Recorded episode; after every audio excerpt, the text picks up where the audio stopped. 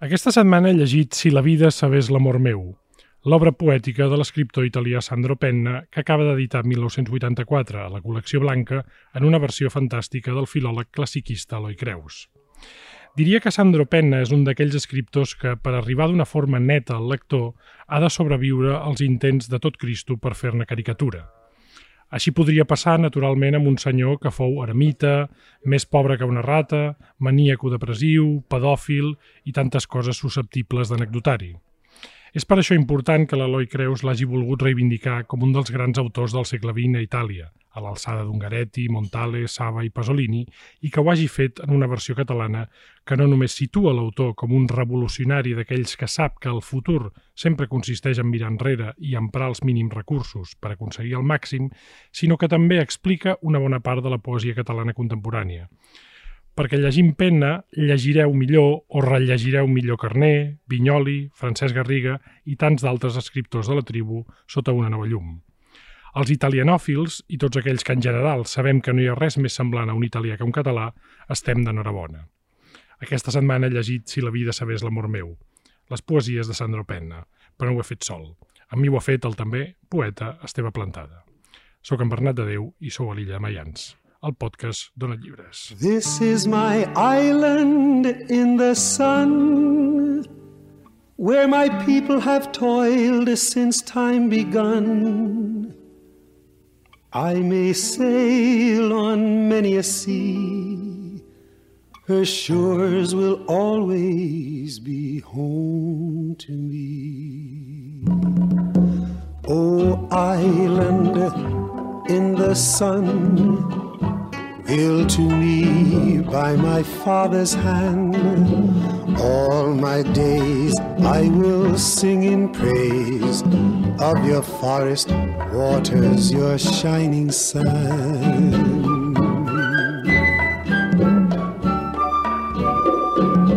Senyor Plantada, Hola, què Com tal? estàs? Molt de bé, temps? molt, molt content de ser poetes aquí. esteu molt, molt enfeinats. Últimament sí, no? Hi ha com una mena de dèria treballadora. Es monetitza, eh? Uh, No. Depèn, hauríem d'anar al detall i a, a explicar cada, específicament uh, uh, cada cosa. Però Veig bé, que no, veig que no. bé, depèn, parlem-ne. A poc a poc. Eh, ens acompanya l'Eloi Creus. Eloi, benvingut a l'illa. Moltes gràcies. Com estàs? Escolta, hi ha moltes coses a parlar de- d'aquest volum, però a mi m'agradaria començar per una cosa que jo deia al final de la introducció, que és Itàlia. Eh, perquè aquest país sempre ha estat un país molt italianòfil. Eh, la nostra literatura, va, no cal citar el viatge a Itàlia d'en Pla i altres exemples de concomitàncies de, de caràcter, climàtico-existencials amb els italians, però jo tinc la sensació que tot i aquesta germanor tenim molt poca literatura contemporània en italià. Novel·les en tenim alguna, potser d'algun novel·lista més conegut, Baricos, etc. Poesia de tant en tant surt alguna cosa, però, però no hi ha molta traducció, és a dir, traduïm molt més, no cal dir-ho de l'anglès, de l'alemany, del francès, com a traductor i com a classiquista. I com a italianòfil, suposo, perquè... Què sucede? Italianòfil, sí, però o sigui, la literatura italiana em fascina, Itàlia em fascina, els italians no tant. Després Ah. d'haver-hi viscut és una cosa... A mi em passa el mateix amb els catalans. Exacte. Visca, Ita visca Itàlia sense italians. Com... doncs no, no, no, en general, eh? Vull dir, tinc molt bons amics. És molt curiós el, el cas de... Sí que hi ha hagut gent que ha fet molta feina, com l'Anna Casasses o en Pau Vidal, no? Sí. Però és veritat que durant molts anys la literatura del, país italià no arribava. Va arribar en un cert moment, a principis de segle, amb Costa i Llobera, quan mm, estava molt influït per Carducci, i després va començar a arribar tota aquesta cosa mm, crepuscular Mm. de, de Pascoli, que va traduir la Maria Antònia Salvà, amb una traducció modèlica. I llavors el Jerònim Zané sí que havia estat molt influït també per aquests parnassians italians, però em sembla que allò va quedar... en Un... A més a més, potser van importar una cosa d'Itàlia que era el menys importable, no sé com dir-ho, potser ja era una cosa una mica desfassada o que casava poc amb, amb el que vindria aquí després. I llavors crec que es va aturar. Uh, fi... bueno, Riba, en unes estances, té dues, dues poesies en italià. Mhm. Això que feia ell, que era capaç d'escriure en francès, en italià, rimar i fer tot el que li donava la gana.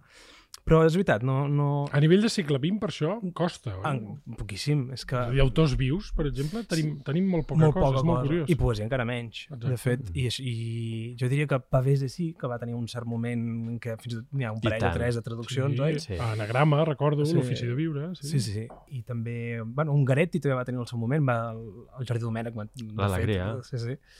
Però, però poca cosa més, de fet. Bueno, això, no, ara, ara em tiraré pedres de taulada, però no sé si també pot ser vendre'm, però Montale s'ha fet molt poc. Vull dir, és un dels grans autors, no de la literatura italiana, de la literatura mm S'ha mundial. fet a comptagotes, no? Vull Sí. dir, sí. S'ha fet els ossos de sípia, sípia. Que, però, però ja està. I, i té molta fum, vull dir, és, és un, un autor importantíssim. En canvi, en França, sí, no, no cal dir-ho principis de segle, però encara ara jo diria que a França encara se segueixen traduint coses. Ja no parlo dels anglesos, com deies tu, eh? però dels italians és curiós.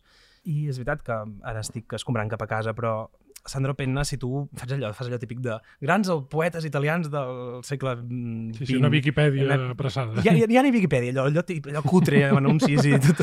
Allò, ho poses, escrius en italià i sempre surten els mateixos, surten Montale, Ungaretti, Quasimodo, uh, Saba i Penna. Són aquests cinc. Llavors, uh, és veritat que els italians, els, els mateixos italians, no coneixen sempre Penna, perquè no, és, no s'estudia a l'escola, i els italians són molt cultes quan van al liceu, però després deixen... és una cosa molt curiosa, se'n bafen tant de tanta literatura que després ho abandonen, però els que, diguéssim, els que... Mm, l'Esteve Plantada italià és, és fan de penna, diguéssim, Clar. saps? És a dir, una, una persona que llegeix poesia i n'escriu Mhm. el coneix perfectament i és, Clar, és, gairebé- és, més, uh, és més un poeta perquè ha estat un poeta de poetes. Exacte. Més, més que de lectors, oi? Però, però en canvi és molt curiós perquè l'altre dia, dia li deia a l'editora que em sembla que és un llibre que, que entra molt bé per, tant per gent que llegeix poesia, perquè hi troba moltes coses, com per una persona que no n'ha llegit mai. De fet, aquests, a mi potser són els que m'agraden menys, però aquests dístics o aquests Mhm. dos o tres versos que et donen una imatge només i que més aviat semblen un esbós, ostres, això, jo crec que això entra molt fàcilment i, i em sorprèn que els italians no... I connecta molt també amb una cosa molt contemporània de, de l'ara, eh? aquesta Exacte. cosa breu, no? com que obre moltes possibilitats. A més a més, està considerat un poeta fàcil, cristal·lí, Mhm. tot i que, eh, com deies, Eloi, no? qui està versat, diguéssim, en la matèria, pot anar una mica més enllà sempre. No? Però és veritat que aquests dístics són... Per això deia també- Carné, no? A vegades, quan llegeixes Carné, dius, ai, que fàcil, no? Faci-ho vostè. Sí, exacte. Sí, sí, sí, sí. I de fet, una cosa que és fantàstica, que amb això potser no s'assembla tant a, a en Carné, no? però els recursos lingüístics que fa servir Sandro Penna són molt pocs i les, i les idees sempre són les mateixes, per tant, seria molt fàcil caure en la Mhm. banalitat i, en canvi, no ho fa mai. És veritat que aquí, en aquest volum que hem fet, hi ha les poesies que ell va triar Mhm. abans de morir. Ell en va escriure molta més i, de fet, jo crec que es va fer un favor a si mateix fent aquesta tria, perquè imagino que en tot telepoesia, que no, no les ha llegit totes, eh, però es, repet, es devia repetir i ell mateix va dir, escolta'm... Home, sí, aquí ja tens la sensació que s'està repetint, Exacte. no? I a més a més un tema gairebé de, de paraules, no? Com Mm. paraules crossa Mhm. que van sortint, Exacte. els Sí, sí. pixadors... Els comodins, ah, bé, els noiets, Tot, sí, eh, sí. el mar, bueno, etc etc. Eh? Sí.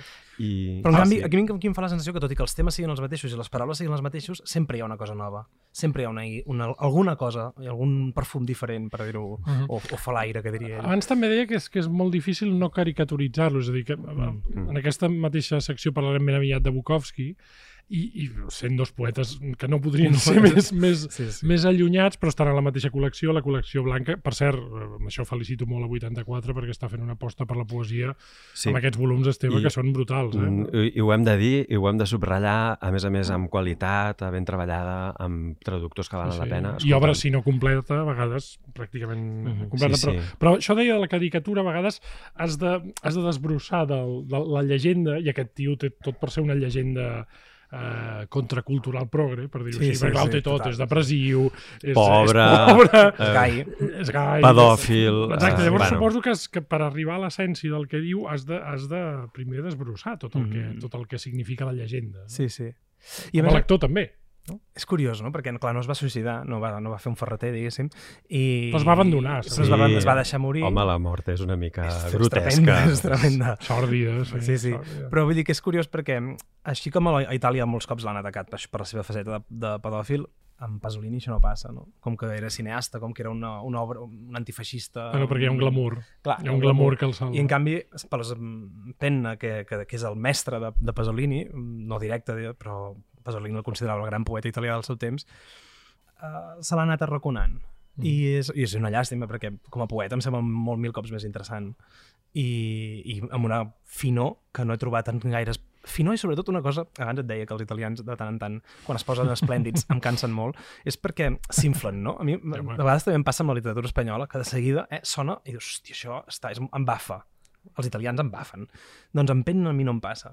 En Penna uh, apenes em passa, em perdonareu una broma fàcil, però és, és, és, és aquesta finor, aquesta... mm, Potser és perquè no tenia gaire ambició, no? No, era, no, no, no, no, no gallejava ni, ni intentava fer ni intentava ser Premi Nobel. Sí, sí, no és per entendre'ns. nacià, no, és, no, és, no és un tio... Esteve, abans dèiem, un, un, un poeta per poetes, no? Eh, eh, com parla...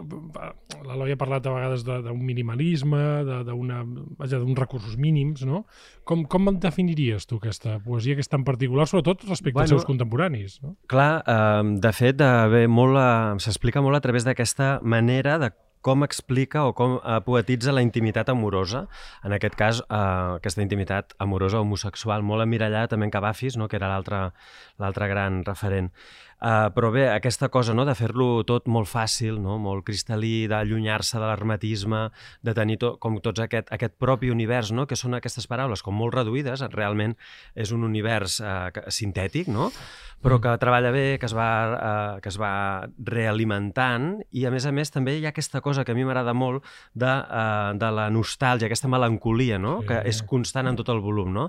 d'aquella cosa de... Molt mediterrània, eh? Molt mediterrània i que, ostres, per mi... és A, A, a mi és recordat molt el Garrigues, que a vegades Sí. estaves, no, A mi- Esteve, estaves llegint po poemes del, del francès, no aquella cosa, aquella tristor, Sí. però, però positiva, no? un nihilisme Sí. així... Bueno, la melancolia, no? I, i aquestes Simpàtic. imatges no, del pas del temps, del que ha Sí. significat la vida, no? d'aquestes aparicions de cop i volta, no?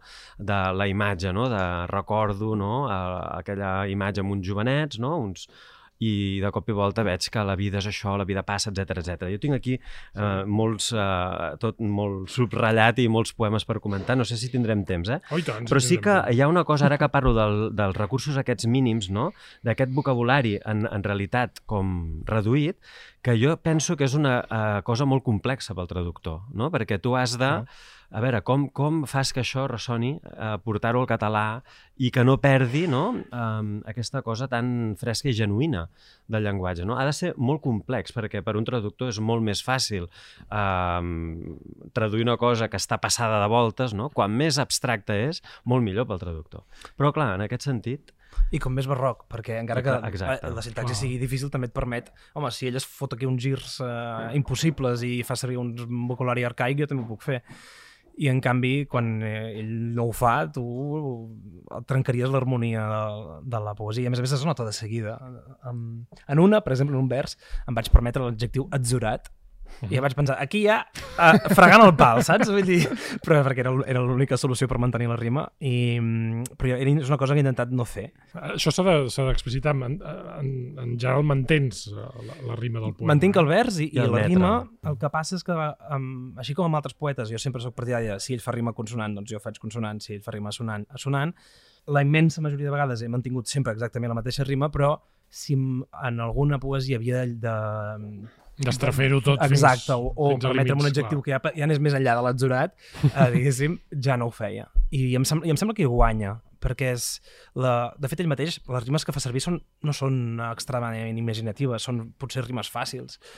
I crec que el, el fet que, de, que es mantingui la sonoritat, a més a més he intentat que quan fossin assonants mm, hi hagués almenys alguna consonant, potser no totes, però que mm -hmm. se sonés bastant igual. I crec que es, crec que es manté bé la... Clar, amb les la- paraules això passa de, de, la de, de l'Esteve. Un, un exemple clàssic és el fanxulo, no? Això, Sí. Ah, sí. Que és un, que els superheros... Els, exacte, és que els superheros Sí, sí, sí, sí. sabem, sabem que, és una, que és una paraula que encara... No sé com la tradueixen al Liceu, però sí, ja, tu fas per noiet, o podria ser xaval, fins i tot, en català incorrecte, no? Mm. Uh, però, però és una paraula molt... Segal, potser Ah, no però, sé si... però, però qui diu Clar. això, no? Però, No, no, però clar. Segal i Xaval em, em sonen massa... O sigui, bueno, no sé, potser m'equivoco, però em sonen massa, un punt massa vulgars. I Fanxulo, Sí, en canvi, és això sí. que dius, és operístic, és literari. Per Sí, això sí, vaig, la fanxula del Oest, Eh, per sí, exemple, exacte. tota aquesta cosa. I vaig pensar més això, en Bailet o Minyó.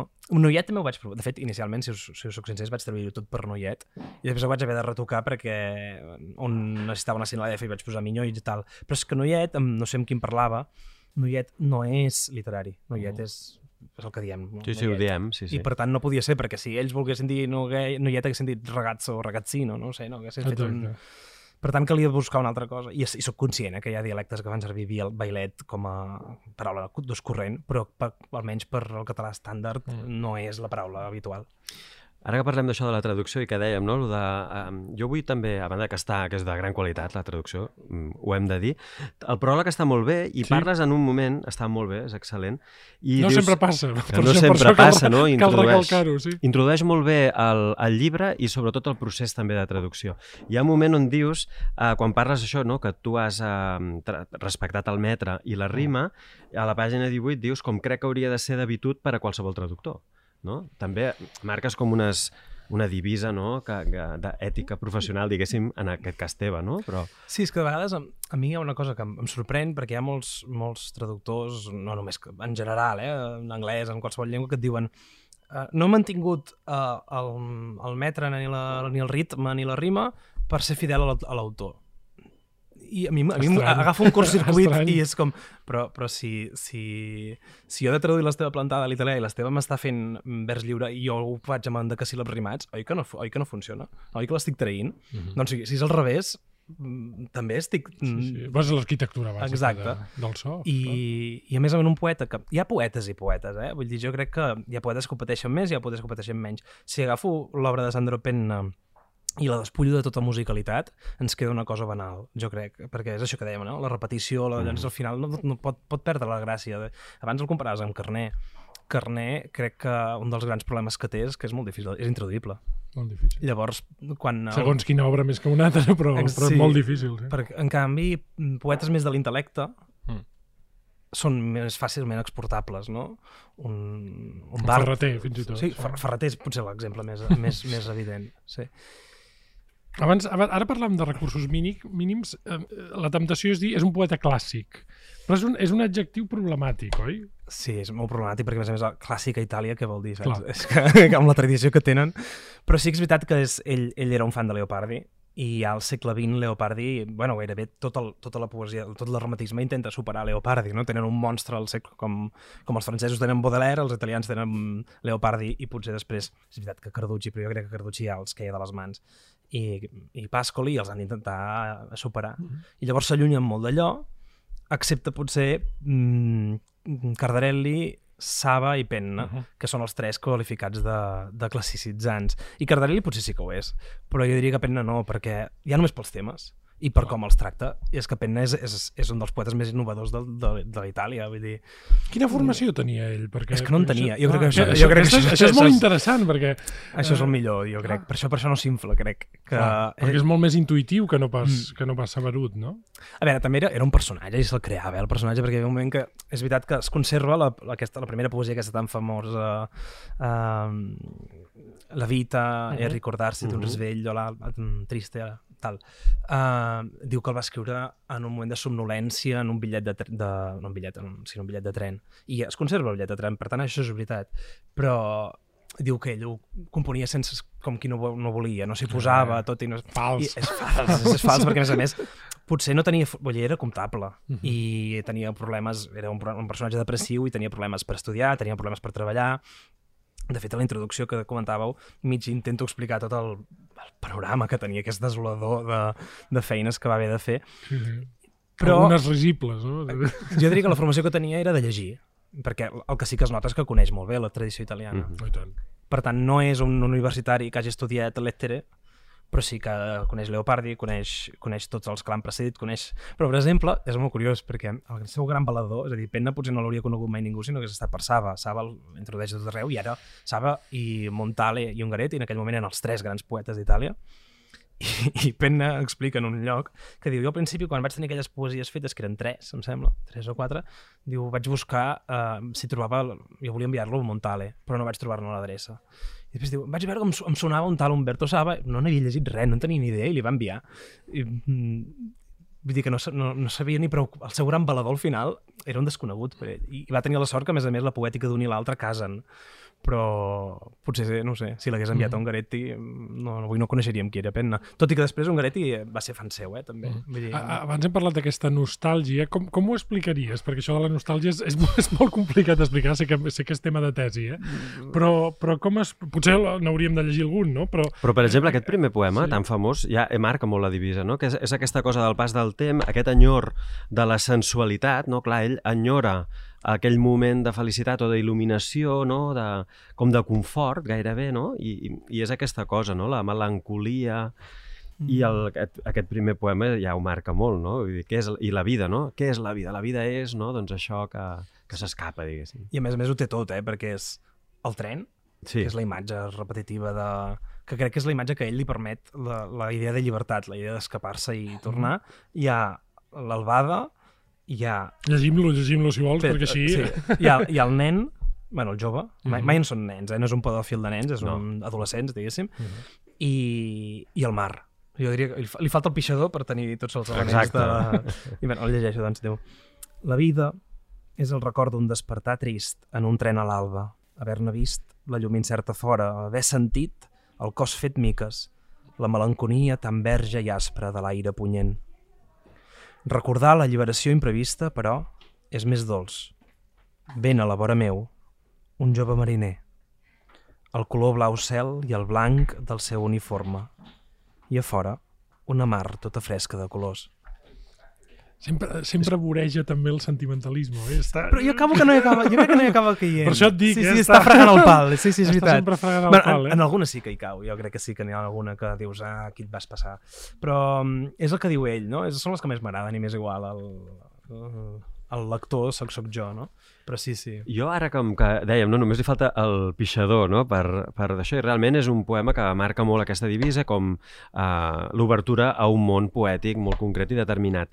I jo volia parlar d'això de les obsessions, no? A la, a, a la pàgina 20 del pròleg tens aquí explicat no? l'Helio Pécora, quan explica allò del problema és que totes juntes, les poesies, no són sinó una confessió. M'ha agradat molt aquesta idea perquè realment vas llegint el llibre i és veritat, no? Són com les proves del delicte Molt totes juntes. sí. Uh, I Ah, diu, no és... no- Diu, no és... Digue'm? No, no, perdó, eh? Que dic, unes proves d'un delicte considerat la- allà que inicia en ple, en ple feixisme mussolinià. Sí, sí. I, i vull dir que i a Itàlia, en, vull dir, fins i tot després de la caiguda i amb la, i la república italiana que la fan els partisans, la moral catòlica, no sé com devia percebre pena, vull dir... Sí, sí, no, no, déu nhi clar. Però perdona, que t'he tallat. No, però és aquest tema de l'obsessió, no? que realment eh, és, és recurrent, va sortint. Hi ha un poema que m'he marcat a la pàgina 77, perquè és com el paradigma. Ell diu, guaita els obrers asseguts al Prat Verd, atipant-se, que no són vells, potser? Corren els automòbils, no? Ell es fixa en, en, en, en aquests obrers, i diu que bonics, no? I diu, corren els automòbils al voltant, passa la gent farcida de, de diaris, però els obrers, que no són vells potser, no? És com, a, a, és la constatació no, de la obsessió aquesta per... a La vida passa, la gent va comprar el diari, va treballar, però aquí què ens importa, no? L'important és això. Hi ha una cosa que deies ara, com devien rebre uh, aquests poemes en, enmig del feixisme. Uh, a mi m'interessa també, clar, tots els llibres els llegim des del present i ara nosaltres ens toca llegir pena en un moment també culturalment complex. Jo estic segur que el dia que vas arribar amb una mostra de poemes de pena i els hi vas ensenyar a la Laura Baena o al Josep Cots, devien estar molt entusiasmats, però després devien dir, escolta, és que clar, aquest homoerotisme, no diríem pedofília, però diríem homoerotisme o aquest amor d'un senyor gran per joves, llegit a ulls del 2023 és estrictament problemàtic, Sí. com per exemple, ara parlàvem, parlarem d'aquí uns dies de Bukowski, no? la relació amb l'alcohol i les drogues, amb el sexe femení d'aquest senyor, eh, dins la moral d'avui, i a més a més em sembla, dit sigui de pas que ens estem tornant una mica moralistes, potser més moralistes que morals, i això és problemàtic, però clar, la primera reacció devia ser molt maco, però, hosti, això com, com ho fem? No? Perquè no és fàcil. Bé, he de dir que per, algun, per un cop a la vida, o bueno, no, m'ha passat un parell de cops, però no, no, no crec que passi gaire, he anat a un editor per voluntat pròpia i li he dit, vols això? I m'ha dit de sí de seguida i, i entusiasmats. No em van posar cap però.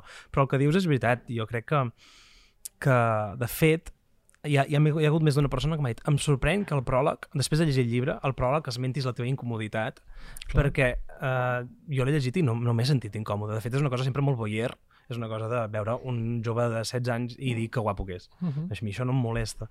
Però, però potser va ser el que a mi sí que em va... No, tot, és curiós, no? Perquè a més és, depèn del, de quin personatge. Jo crec que en Bukowski, per exemple, no ningú no s'ha vist interpel·lat ni han, han cregut que calgués cap contextualització. Tothom coneix Bukowski i en Pasolini igual, tothom coneix Pasolini i tothom Mm. n'obvia que, que era pedòfil i, i a més i que tenia unes relacions que, que, Però tothom coneix la imatge cultural. Sí, Per- però vull dir, el, el personatge, Sí, parlem-ne, saps? Um, I en canvi, en Penna jo vaig tenir la sensació que, que calia dir-ne alguna cosa d'això, no?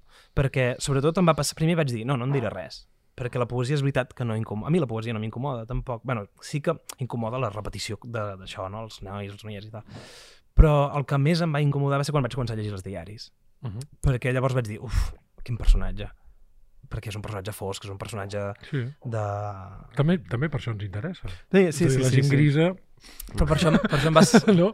Sí, per això em va semblar que calia dir només... Bueno, com, sí, era pedòfil i sí, tenia, tenia això. I, Ho dic perquè això és un, I- és un tema que, que no sabem resoldre fa poc, per- mira, passejant per una exposició sobre un altre personatge incòmode, que és el Marquès de Sade, al Ah, sí. CCCB, que és una exposició jo crec que francament millorable, doncs hi havia una instal·lació dedicada al tema de la violència de gènere. No? És un tema important, sí, és un tema... Ara, estava allà ficat amb, una mica amb calçador per dir Ja. que ningú no es pensi que Sade pot portar eh, diguéssim, a maltractar les senyores. I jo pensava, hosti, està molt bé que ho diguem, però ho hem de posar sempre d'una manera que ens és també una mica forçada, no? Vull dir, Com, Mm. com, no, no sé si els maltractadors han llegit la filosofia del tocador i això els porta a ser uns cràpules, no? Ja. No vull dir que és, que és una cosa que no tenim ben resolta i que suposo que textos com aquests també ens, ens posen...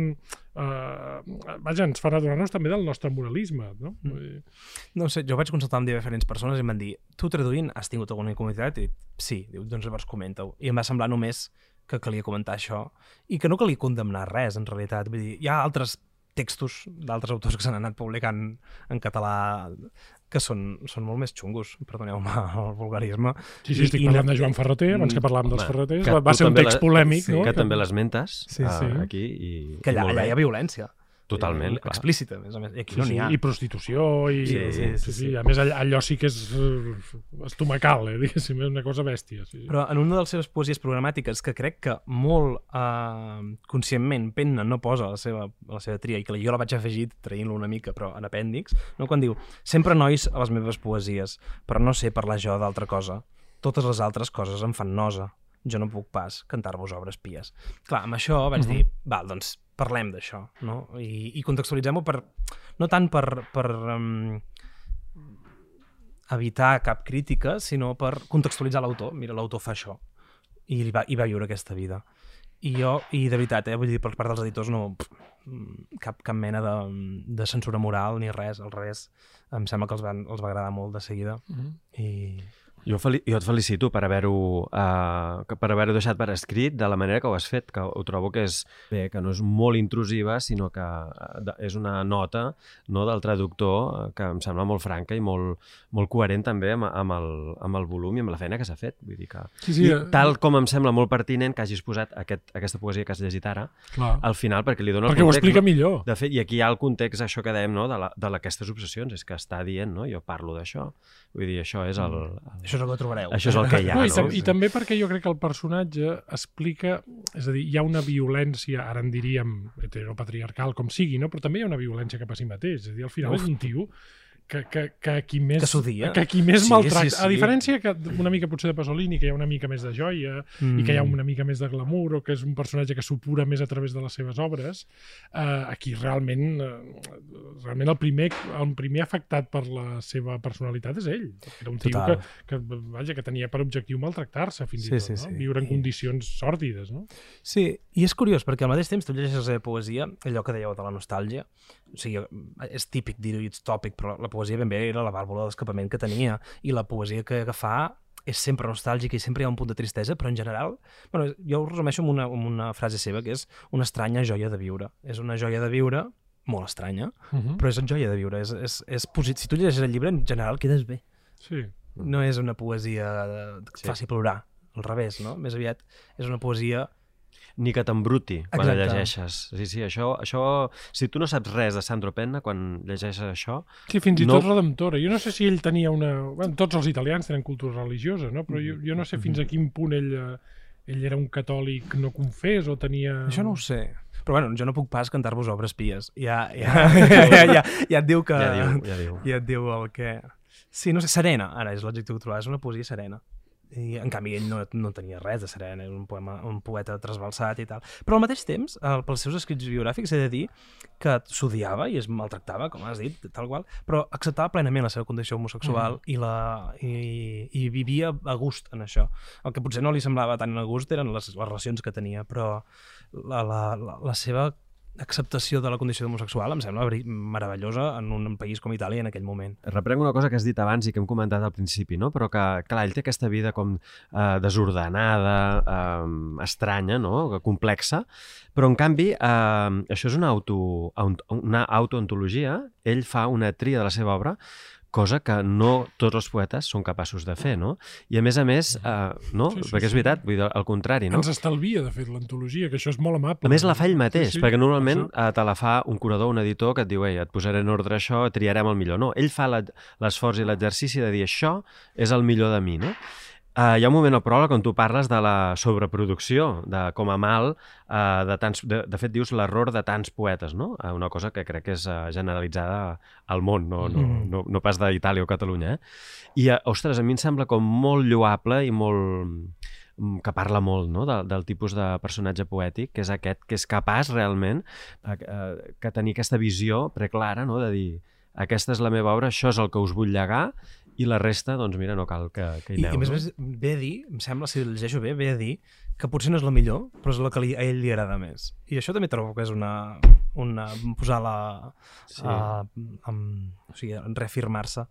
Però, clar, que en poetes o sigui, es, es, es, és el que deies tu, que el, es sobre, sobreprodueixi ja és normal, suposo. Mhm. Però el bo és que quan ha acabat o es mira enrere tot el que ha fet sigui capaç d'estriar el gra de la palla. I, uh, i aquí... I No, però això que diu Però- l'Esteve és veritat, és a dir, el, el, la pulsió editorial sempre és Clar, busquem aquest poema que hem trobat en un tovalló Sí. o aquest article que quan Sí, a vegades sí. dius no, és que no el va voler publicar, doncs potser ens hauríem de pensar Però a mi per el que què. em sembla encara que parla molt bé d'ell és que ell sigui ell mateix, no? Sí, que, sí. El, el que triï, no? I el No, que vol fer el seu propi Sí. testament. Sí, sí, això és Dius, molt, molt ostres, generós, perquè, perquè estàs, t'estàs amputant òrgans, no? Al Sí, final. i no, hi ha com una visió molt crítica i, i de, bueno, de- de- d'una gran visió no? de, de la teva pròpia obra, que això és molt complex també, amb, amb un poeta, fes-li triar els seus millors Mm. poemes, no sé, uh, potser serien tries eh, curioses, no? Hi, hi ha una entrevista a YouTube de pocs anys abans de morir-se que fa molta pena. És un personatge molt trist que llegeix aquell llibre i comença a llegir-lo.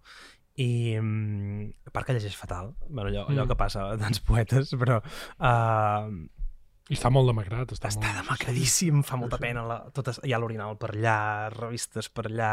Orinal blau, de molt, que, que això m'ha quedat aquí. Dic, Sí, això, una això és difícil d'oblidar. Sí, sí, sí. I amb la, amb la que li, quan li passa la, un moment, ho explico una mica, que el, el seu biògraf, que també és poeta, li diu que ha publicat unes poesies en una revista que té penna i en canvi el, el biògraf no, encara no l'ha rebuda i penna li allarga tacada de, de blau de l'orina.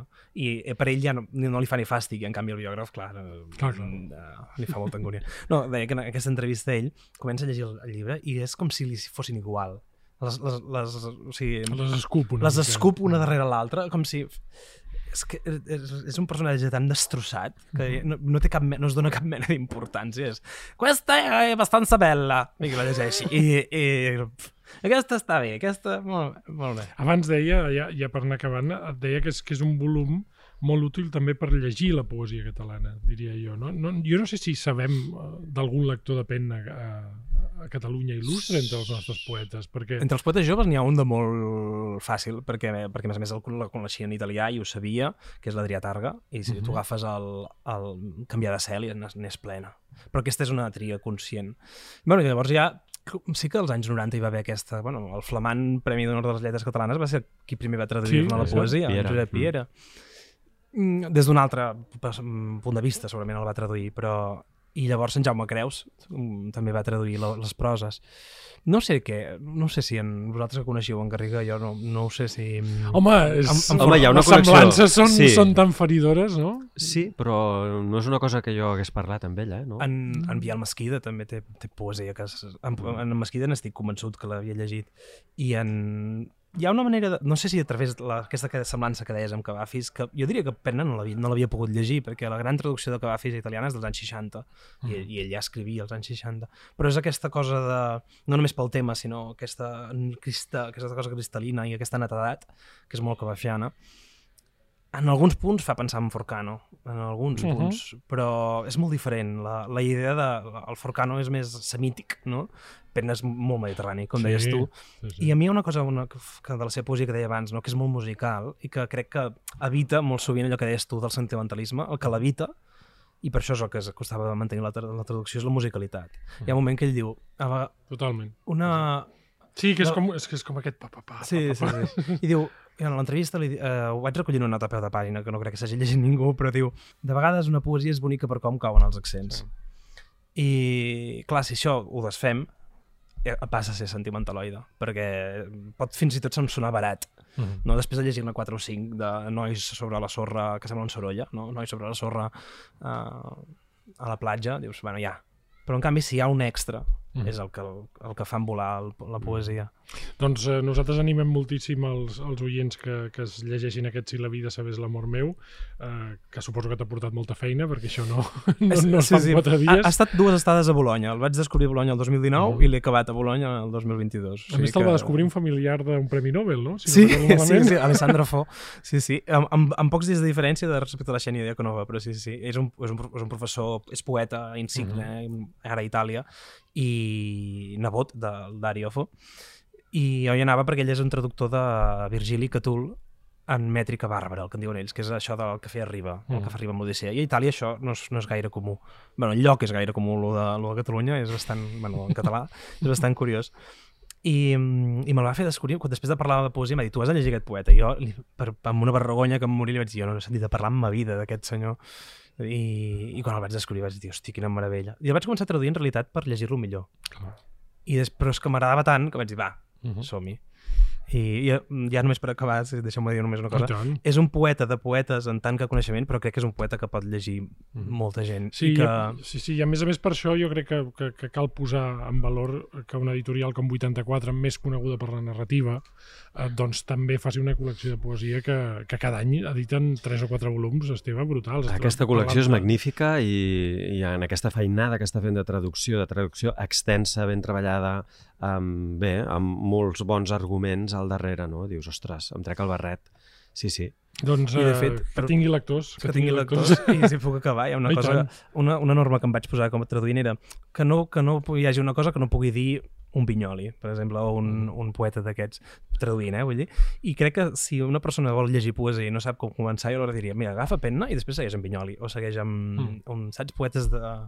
Uh, o Estellers, no? un, Sí. una, un, un poetes d'aquesta mena i Mm. mm. crec que des, a partir d'aquí podrà llegir altra, altra poesia Doncs nosaltres t'agraïm moltíssim la, la feina. Eh, suposo que deus estar traduint ja alguna altra cosa. No sé si es pot avançar. Bueno, aquí, casualment jo no sabia qui em trobaria Sí. avui. Sí. Ah, Tinc l'editor d'un- d'una d'una traducció. Home, es pot dir un Primo Levi, que Sí, sí. de fet sí, sí, sí. No? Sí, sí. Eh, Es pot dir l'editorial? Sí. Es pot dir és Cafè Central, a la col·lecció Jardins de Samarcanda, que publicaran... Bueno, pots explicar-ho tu si vols, eh? No, no, endavant. No, però la... es podria dir que publicarem la poesia completa de Primo Levi. Això és... En va escriure poca, dic, comparat Sí, però amb, va, va. amb d'altres, però sí, sí. I se n'està encarregant Sí, sí. l'Eloi doncs... Ja està feta. De fet, està Sí? entregat i surt a la Sí, sí. tardor. Quan sortirà això? A es- a l'octubre, al Fantàstic. proper octubre. Fantàstic. Sí, perquè és un autor que tenim alguna obra, suposo, no?